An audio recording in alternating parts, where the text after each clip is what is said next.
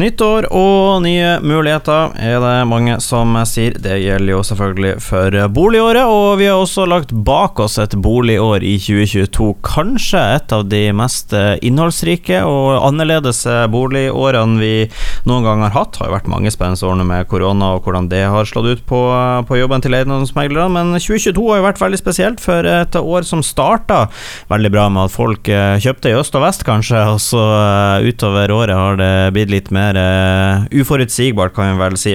Vi skal prate litt om uh, boligåret i 2022, og så skal vi også se litt på prognosene for boligåret 2023. Og vi har fått med oss Tobias Bronder fra Partners Eiendomsmegling. Velkommen til deg. Takk for det. Takk for det. Ja, altså, hvordan syns du fra et eiendomsmeglerperspektiv oppsummeringa mi var der av boligåret 2022? Ja, det er jo ganske riktig. Det har jo vært et uh, litt annerledes år uh, enn man kanskje skulle se for seg. Vi har vært vant til uh, Eh, enorm prisvekst. Eh, pandemien eh, til tross slo jo ut positivt for boligprisveksten med et veldig kort opphold der med litt usikkerhet. Og så har det vært ellevilt. Lang, lang tid. Midtveis i fjoråret, da, så kom jo første renteøkninga. Og det tenkte man jo kanskje var på sin plass, var forventa utfallet av det kom jo ikke før til høsten. Så da fra høsten av så ble det jo en eh, ganske Det mange opplevde som en bråstopp, da. Og den bråstoppen kjentes jo veldig godt. Eh, og med en eh, mer enn femdobling av styringsrenta, så, eh, så, har det gjort et eh, ganske hardt eh, utslag på boligmarkedet.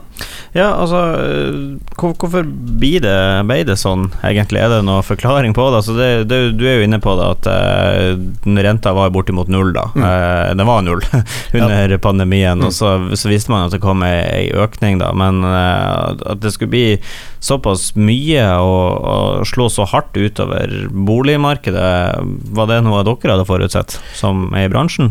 Man var jo klar over at det kom til å skje, og at når man kjøper med 0 rente eh, og har så å si ingen utgifter. Og det har vært eh, veldig lettvint å få seg lån, og eh, det har ikke kosta så mye å ha lån, og høye lån også. Så det er klart, da har jo kjøpskraften i takt med det gått ganske kraftig opp. Og da under de siste årene med relativt lav inflasjon, så har folk flest hatt god kjøpsevne. Og da har jo det her gått over stokk og stein når tilbudet har vært for lavt. For det har vært et for lavt tilbud av bruktboliger, særlig i, eh, i områder som Bodø, da, som vi sitter i.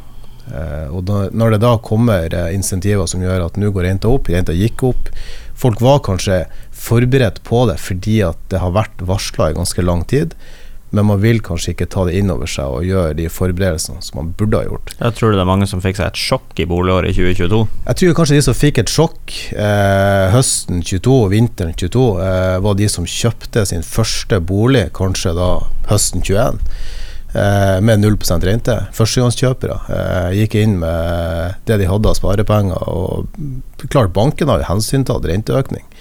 Men én ting er jo hva banken hensyntar, en annen ting er jo hva du sjøl sitter igjen med på konto etter hver måned. Det er jo det for mange dette handler om. Det er jo hva har jeg råd til, i realiteten. Så for de førstegangskjøperne som kjøpte i 2021, eh, som nå sitter og ser på hva det her koster i med dagens rentenivå, som er et normalrentenivå, vil jo kanskje merke det litt bedre enn de som har vært i boligmarkedet i noen år. Jeg kan jo ta et eksempel fra min egen del. Flytta jo for snart, eh, ganske snart ett år siden. Da var månedskostnaden min 14 000 i husleie. Nå er den 18 000. Ja. Det har økt altså 4000 bare i renta på, ja. på ett år. Det er ganske sykt. Det er ganske sykt, og det er jo etter mitt syn da, det som på en måte er årsaken til den prisnedgangen vi har, i hovedsak i hvert fall, eh, er jo økt rente. Ja, eh, det er jo eh, utfordrende for mange, sånn sett. Eh, og så får vi jo håpe at det blir mer stabilt i året som kommer. Vi skal gå litt, komme litt tilbake på det snart. Først Det har jo også vært for din del noen artige salg i, i 2022. Så en artikkel i Avisa Nordland her nylig på dette var de dyreste boligene som er kjøpt og solgt i, i Bodø i året som gikk, til tross for uforutsigbarhet, så var det jo en del dyre boliger som gikk, og eh, vår eh, tidligere fotballstjerne Jens Petter Hauge fikk jo kjøpt ei, kjøpt ei splitter ny, ny, bolig som var på denne lista der. Eh, hva er, hva er de de salgene du husker best fra året som er gått? Ja, den, det salget du drar fram der, er jo nok et av de salgene som vil sitte i for min del i lang tid. Eh, skal jo sant sies at det salget ble gjennomført desember eh, 21, så det var jo faktisk ikke et eh, salg i 22, da. Vi får skylde på Avisen Nordland. Rett og slett. Rett og slett. Eh, det er klart det eh, For mange som har god råd, så er ikke det at renta går opp eh, fra 0,25 til 2,75 i styringsrente, det er ikke utslagsgivende. Man har man er ikke på margin med det man handler, man har fortsatt god handlingskraft. Eh, så Derfor så vil vi jo fortsatt se at det omsettes dyre boliger i Bodø, selv i det som oppleves som en nedgangstid.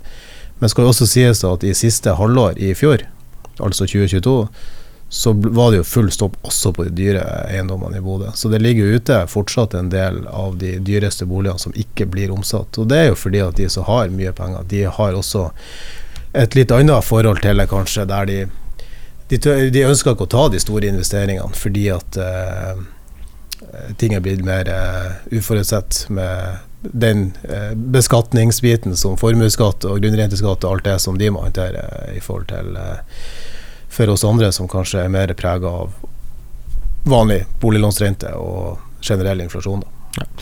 Selv eh, de med mye penger i eh, banken har også merka økninga, og eh, har rett og slett 2022, vært for slutten av det, gått utover de aller fleste av oss. Vi skal straks se litt hva 2023 bringer oss, og hva vi kan forvente oss der.